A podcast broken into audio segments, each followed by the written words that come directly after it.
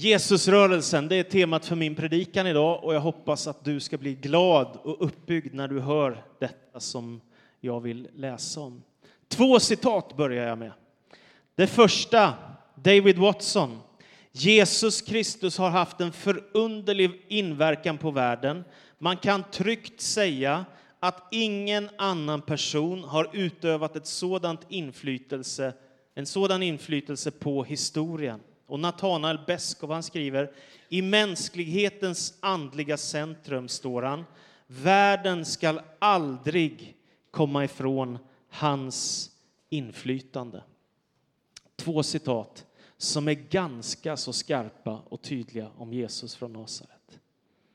Vem är egentligen Jesus Kristus?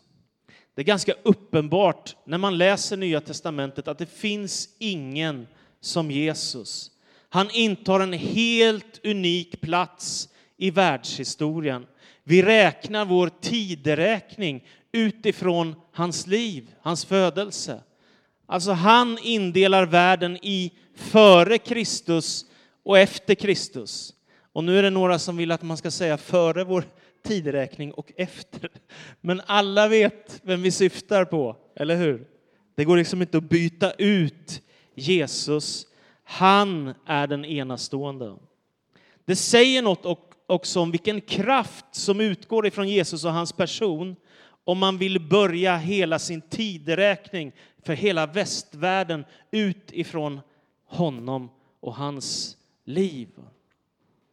Enligt den amerikanske sociologen David Barrett så till millennieskiftet, så alltså år 2000, hade det skrivits 175 000 böcker om Jesus. Varje dag skrivs det fyra nya böcker om Jesus. Det betyder nästan 1500 böcker skrivs varje år om Jesus. Det är väl ganska tydligt budskap i det, att han har något som ingen annan har, att han står för något som ingen annan kan erbjuda. Hans budskap har nedtecknats av fyra evangelister, Matteus, Markus, Lukas och Johannes. Jag gissar, och jag är rätt övertygad om, att det är de mest lästa orden av alla ord i världshistorien i någon bok som existerar. Varför? Därför att Bibeln och Nya testamentet är översatt till mer än 2000 språk. Är du med? Och det betyder ju att miljarder människor kan läsa evangelierna och förstå dem, budskapet om vem Jesus är. Har du tänkt på när vi firar gudstjänst? Ja, vi är något hundratal här inne, men Runt om i världen så säger man att ungefär en och en halv miljard människor i fem miljoner kyrkor som firar gudstjänst varje söndag året runt för att Jesus Kristus är uppstånden. Är ni med? Det är något helt fantastiskt. När vi firar högtid i Sverige så är de flesta av högtiderna kristna högtider. Vi firar jul, det gör ju alla svenskar nästan. Vi firar påsk, det gör ju nästan alla svenskar. Vi firar Kristi himmelfärd och vi firar pingst. Det är djupt kristna högtider. Och i mer än tusen år har detta pågått i vårt land och i världen i 2000 år. Jag tänker mig att vi blir aldrig färdiga med Jesus.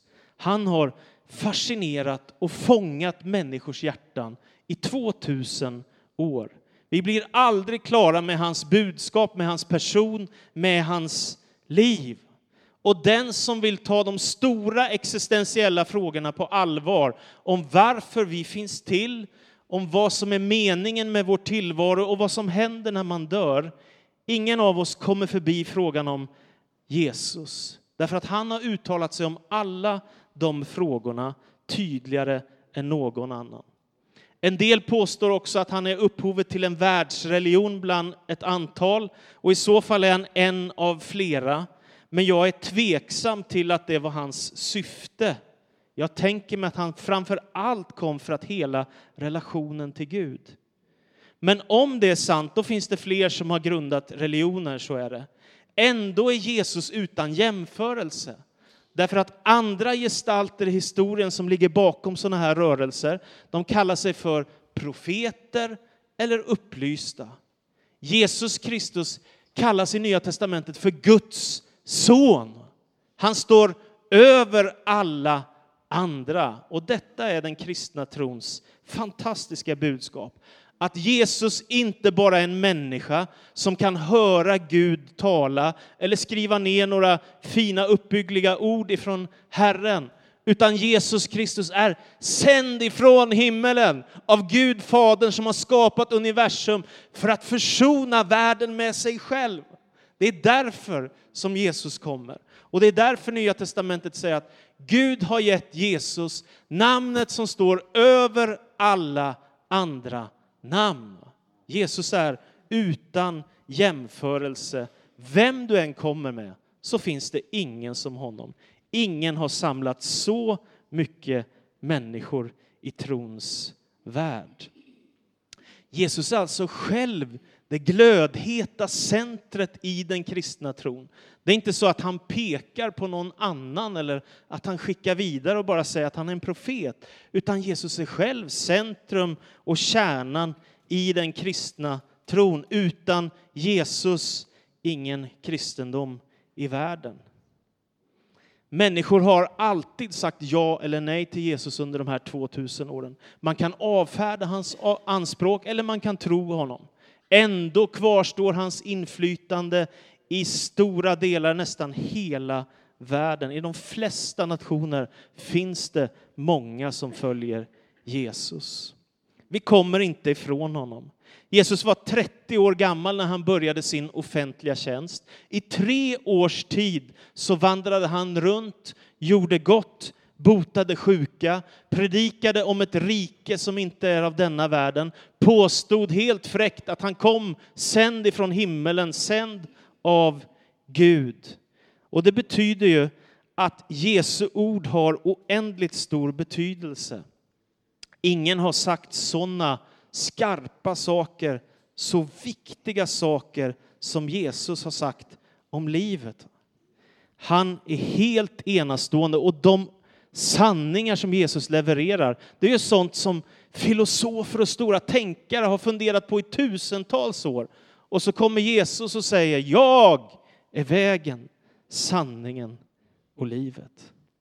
Inte bara hans ord är viktiga, hans gärningar är viktiga. Och det berättas i Nya Testamentet om hur Jesus botar sjuka, hur han stillar stormar, hur han väcker upp döda, hur han visar fattiga människor kärlek, hur han bryr sig om utslagna, hur han benådar prostituerade och människor som har begått äktenskapsbrott.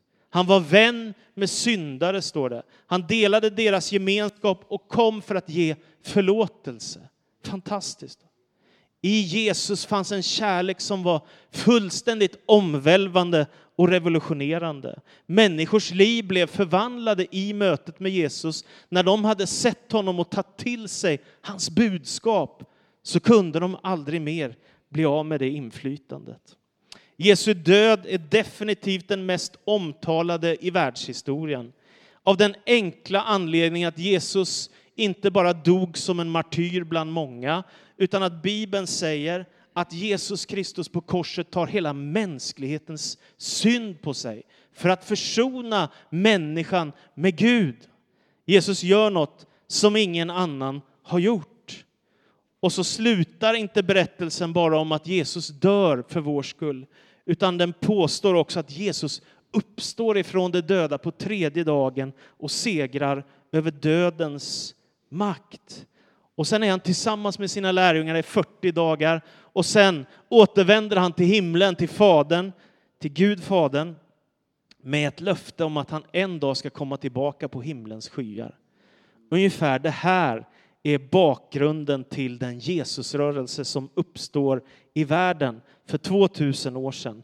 Lärjungarna hade mött Mästaren och Mästaren hade förvandlat deras liv de togs ut ur sin egen lilla verklighet in i Guds väldiga, eviga rike. Och där kunde de landa med sina liv och få dem fyllda med mening. Det som började med Jesus var en slags revolution som vi fortfarande lever i återverkningarna av. Det tar liksom aldrig slut det här med Jesus. Det bara fortsätter och fortsätter. Det är som en smitta som bara sprider sig och går vidare. Fast det är en härlig smitta, det är inget elände som en del sjukdomar kan vara, utan det här är något fantastiskt. Jag har i sommar läst en bok om vetenskap och tro. Och mitt i min läsning så kom jag till Albert Einstein. Jag har ett citat av honom. Han var ju en av de skarpaste fysikerna som har existerat i vår moderna tid. Han var jude. Och så skrev han så här. Som barn fick jag undervisning både i Bibeln och Talmud. Jag är jude, men jag är förtrollad av den lysande figuren från Nasaret. Visst är det fint? Man kan läsa så mycket böcker, romaner, man kan läsa faktaböcker, man kan läsa mängder av litteratur och studera på ett universitet eller en folkhögskola. Ändå finns det något här hos Jesus som inte finns att få någon annanstans. Nu läser vi från Apostlärningarnas första kapitel och vers 1. Apostlärningarna 1 och 1. Där skriver evangelisten Lukas. I min första bok, Ärade Teofilos, skrev jag om allt som Jesus gjorde och lärde, fram till den dag då han togs upp till himlen, sedan han genom helig ande hade gett sina befallningar åt dem som han hade utvalt till apostlar. Han framträdde för dem efter att ha lidit döden och gav dem många bevis på att han levde, då han under 40 dagar visade sig för dem och talade om Guds rike. Och under en måltid tillsammans med dem sa han åt dem att inte lämna Jerusalem, utan vänta på det som Fadern hade utlovat. Det som ni har hört mig tala om, sa han. Johannes döpte med vatten, men ni ska bli döpta med helig ande om bara några dagar. De som hade samlats frågade honom, Herre, är nu tiden inne då du ska återupprätta Israel som kungarike? Han svarade, det är inte er sak att veta vilka tider och stunder Fadern i sin makt har fastställt. Men ni ska få kraft när den heliga Ande kommer över er. Och ni ska vittna om mig i Jerusalem och hela Judeen och Samarien och ända till jordens yttersta gräns. Så det Jesus börjar göra fortsätter nu lärjungarna att göra. Så apostlagärningarna som är en fortsättning av evangelierna beskriver den första urkristendomen, urkyrkans berättelse om hur de fortsätter att dela evangeliet med nya människor. Man kan ju fundera på hur i hela världen gick det till. Petrus som förnekade, Judas som förrådde, Johannes och hans brorsa som undrade om de skulle kalla ner eld från himlen för att förgöra en stad. Och, och någon som var från någon selotisk grupp så där, som höll på med våld. Alltså märkliga, enkla tolv lärjungar som ber till Gud och sen så blir skadan 120 och sen när Jesus uppfyller sitt löfte och döper dem och fyller dem med helig ande så på en enda dag är det 3000 människor i Jerusalem som blir döpta i vatten och kommer till tro på Kristus. Det är en slags Jesus revolution. Det häftiga med denna Jesusrörelse, det är att den slår sönder de nationella murarna som har funnits tidigare. Därför att Gud hade utvalt ett folk, Israels folk. Han började med Abraham och sen får Abraham ett löfte ifrån Gud att du ska bli välsignad och du ska få en son, för de hade varit barnlösa. Ni ska få ett land och det ska bli ett helt folk av er. Och det blir Israels folk och Israels nation efter en lång tid så får de detta land. Och nu när Jesus kommer så ska allt detta uppfyllas som Abraham har fått som löfte. Så helt plötsligt så börjar de nationella gränserna sprängas. Evangeliet går ut över världen. Det börjar i Jerusalem och säkert om du har vandrat där så blir man fascinerad var vid tempelmuren där det judiska folket brukar be, eller gå upp på tempelplatsen där det en gång det judiska templet stod och de firade gudstjänst och lovsjöng och offrade. Men nu börjar den här rörelsen på allvar. Den spränger alla gränser. Förut hade det judiska folket levt i denna välsignelse från Gud själva. Nu ska den ut över världen. Och det häftiga är när man läser apostlagärningarna att Jesus säger ju gå från Jerusalem till Judeen, till Samarien, till jordens yttersta gräns. Och när man börjar i kapitel 1 så är de i Jerusalem. Och när man kommer fram till kapitel 28, då är de i Rom, som var den tidens mäktigaste huvudstad. Alltså på 30 år så tar sig evangeliet över nästan hela romarriket. Va? Det är fantastiskt. Och det betyder att någonting händer här. Därför att tidigare hade människor varit indelade i olika grupper och samhällsklasser. Slavar och fria, män och kvinnor, judar och greker, hedningar och massa olika grupperingar. Och de hade mängder av gudar och det fanns massor av olika typer av hierarkier i detta romerska samhälle. Till detta samhälle kommer Jesus budskapet och säger att det inte är någon skillnad på slav och fri. Det är inte någon skillnad på man och kvinna, det är inte någon skillnad på jude och grek. Fullständigt omvälvande budskap. Och det betyder att evangeliet går över skiljemurar av ras och nationalitet, status och kön. Och oavsett vilket ursprung man hade så var alla ett i Kristus. Är inte det fantastiskt att det inte spelar någon roll om man är från Indonesien eller om man kommer ifrån New York eller om man har sitt ursprung i Sydney eller i Karlstad eller i Malmö eller om man kommer ifrån Örebro. Bara en sån sak. Det spelar ingen roll, eller hur? Alla är välkomna till Jesus. Det är helt fantastiskt. Går över alla gränser, skiljemurar, statussymboler eller vad du vill. Det är därför den kristna tron har en sån enorm dragningskraft. För att fattiga slavar är lika viktiga som kejsaren i Rom i den kristna tron. Är ni med? Alltså det är någonting helt nytt som händer som inte har funnits förut. Och den kristna trons budskap är ju att alla människor är skapade till Guds avbild. Det betyder att alla är lika mycket värda inför Gud. Och detta slår fullständigt igenom i romarriket och utmanar gamla statusmarkörer. Alla är välkomna till Jesus. Alla är välkomna in i den kristna trons värld. Kärlek, gemenskap, bön, lovsång, Jesus fascination, överlåtelse till Gud. Någonting helt fantastiskt. Sen går budskapet vidare från Jerusalem och en sak som är märklig det är att det blir förföljelse.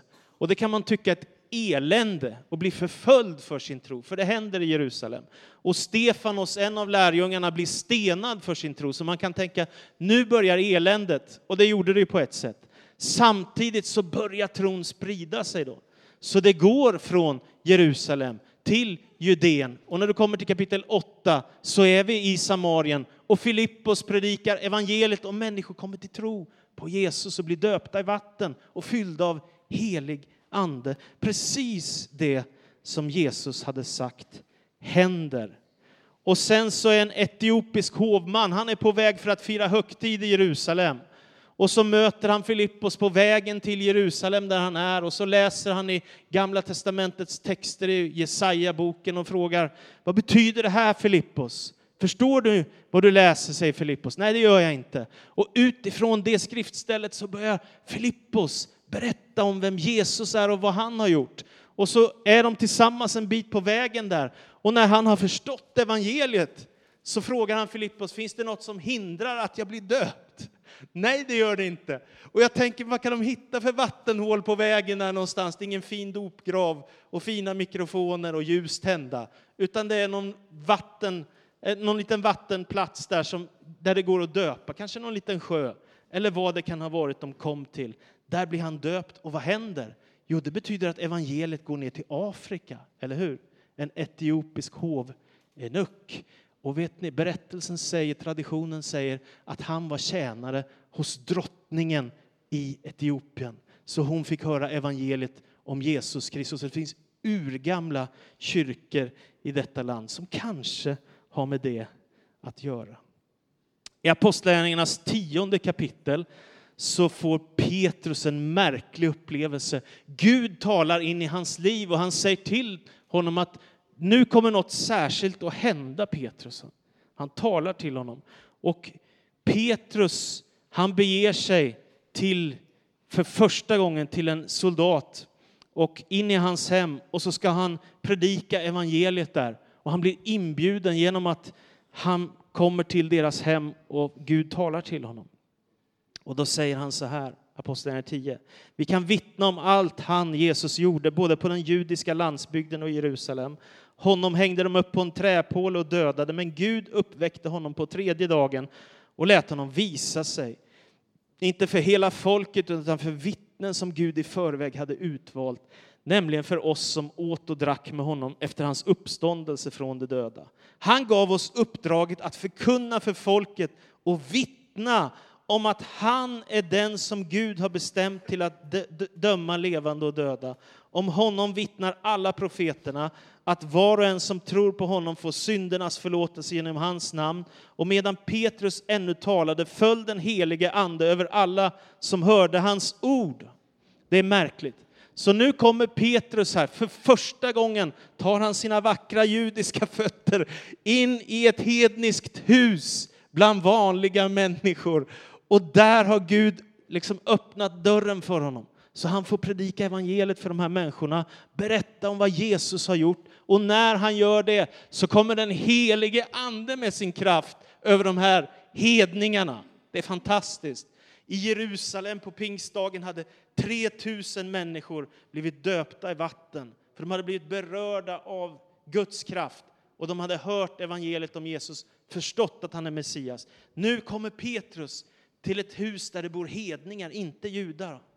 Och så händer samma sak, att Guds helige ande kommer över människor som inte har judiskt ursprung och som inte har samma löften som, som Israels folk, men som nu helt plötsligt får dem tack vare Jesus Kristus. Helt fantastiskt.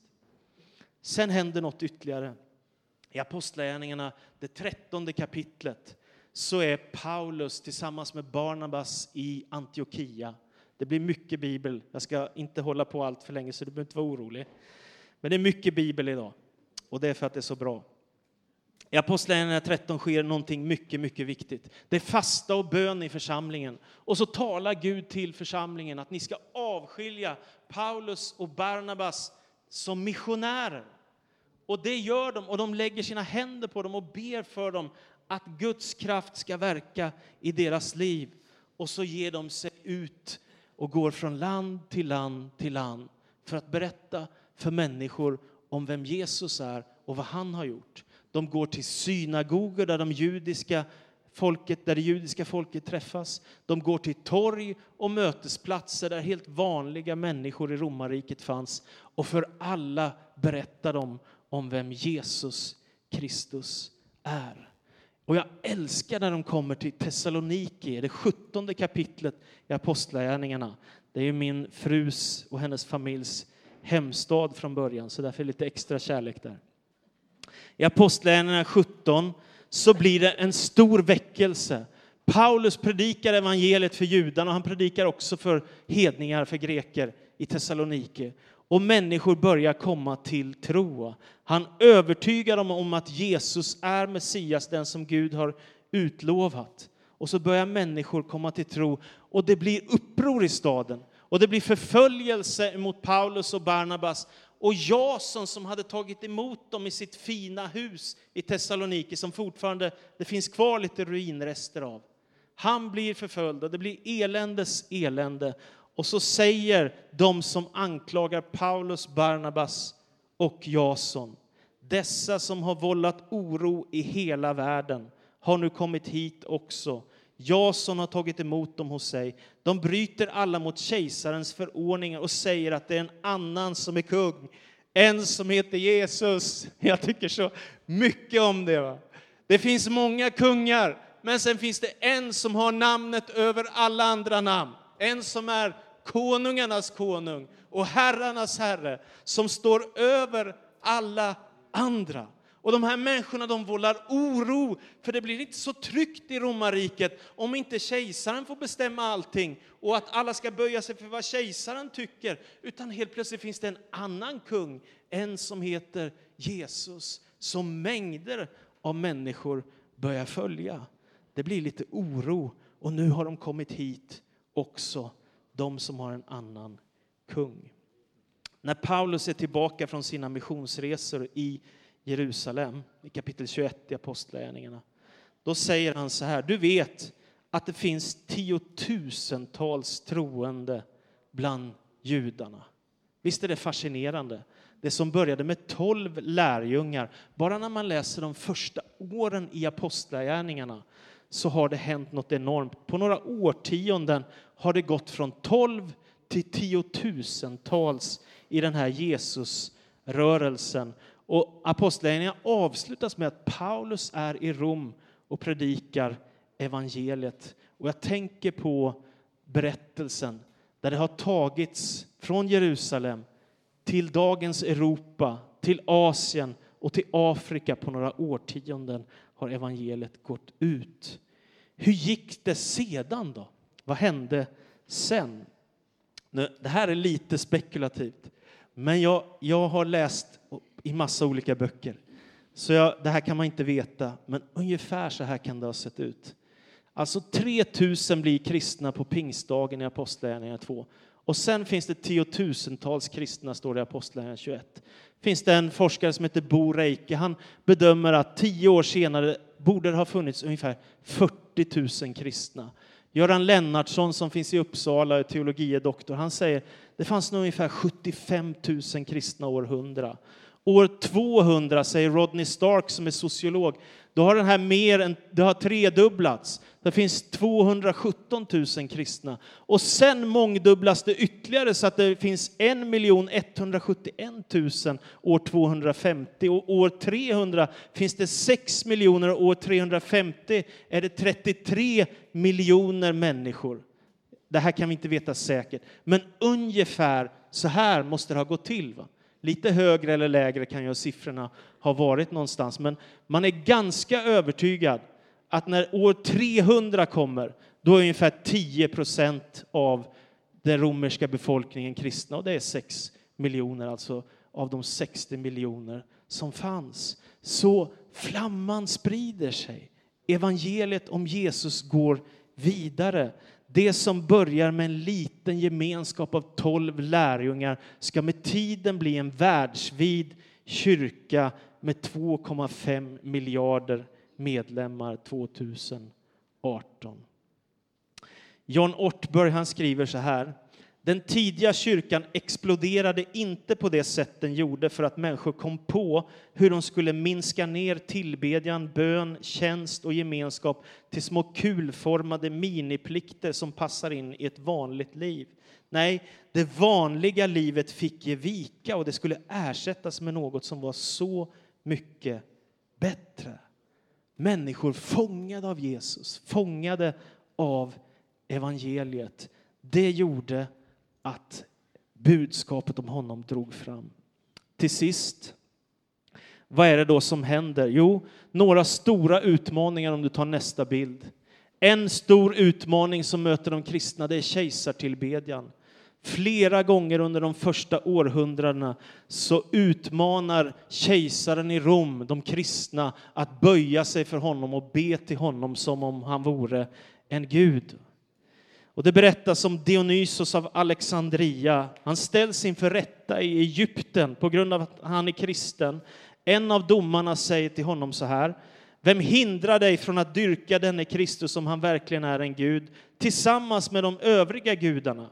Varför tar du inte dessa få rökelsekorn och strör dem på offerelden framför Jupiters och kejsarens staty? Det kostar er bara en enda handrörelse och ni går fria. Ingen kommer någonsin ha något mer att anmärka på er. Och det var ju själva verket fruktansvärt avgörande saker som de kristna ställdes inför. Det kunde handla om liv och död. Det lät ju väldigt enkelt. Kasta lite saker till avguderiet, det är väl inget stort. Men för de kristna var detta ett förräderi, otänkbart. Vad svarar han? Jag är kristen, jag tillber Kristus och ingenting annat. Det berättas om hans kollega diakonen Epilius. Han står inför domaren och han säger Jag tackar dig Jesus Kristus att du skyddar mig när jag lider för dig. Då ropar domaren Upphör med detta vanvett, tillbe gudarna, Epileus, och du är fri. Men Epileus svarar Kristus tillber jag, avgudar och demoner hatar jag. Gör vad du vill. Här står domarna inför en gåta. Här finns människor som har blivit så fångade av Jesus från Nasaret att man hellre offrar sitt liv än att visa avguderiets elände och dyrka andra gudar. Jesusrörelsen tar världen med storm och när år 300 är inne då inser kejsaren i Rom det är omöjligt att vinna över de kristna. Och det är som man säger, if you can't beat them, join them. Alltså om du inte kan segra över dem så börja jobba tillsammans. Och helt plötsligt på 300-talet så blir kristendomen det självklara för nästan alla människor i romarriket. Det är märkligt. På 300-talet när de kristna samlas för att säga vem är denne Jesus? För att avsluta nu då, så skriver de så här så vackert. Vi tror på en enda Herre, Jesus Kristus, Guds son, född av Fadern före all tid, ljus av ljus, sann Gud av sann Gud, född och inte skapad, av samma väsen som Fadern. På honom gick om vilken allt blev till, som för oss människor vår frälsning skull steg ner från himlen, blev människa av kött och blod genom den heliga Ande och jungfru Maria, korsfästes för vår skull under Pontius Pilatus, led döden och begravdes, uppstod på tredje dagen enligt skrifterna, steg upp till himlen, sitter på Faderns högra sida och ska återkomma i härlighet för att döma levande och döda och vars välde aldrig någonsin ska ta slut. Detta perspektiv, tror jag, är det viktigaste som finns för en kyrka. Inte tänka föreningsverksamhet, inte tänka jaha, trevliga eller mindre trevliga människor, utan Jesusrörelse. Där finns en sån ofattbar kraft. När den börjar rulla, det går inte att stoppa den. Utan den kommer bara fortsätta och fortsätta i generation efter generation tills Jesus kommer tillbaka. Därför vill jag bara utmana dig. Se till att du är en del av Jesusrörelsen. Det är det mest fascinerande som finns. Därför att Jesus Kristus är Herre. Amen. Så ber jag om din välsignelse över var och en av oss, Herre. Kom med helig Ande, Herre. Utmana oss, Herre, att leva passionerat för dig och för ditt rike, Herre. Jag ber dig om detta. Kom och vidrör oss idag. I Jesu Kristi namn vi ber. Låt oss få överlåta våra hjärtan till dig. Du som hör oss och älskar oss. Amen, amen, amen.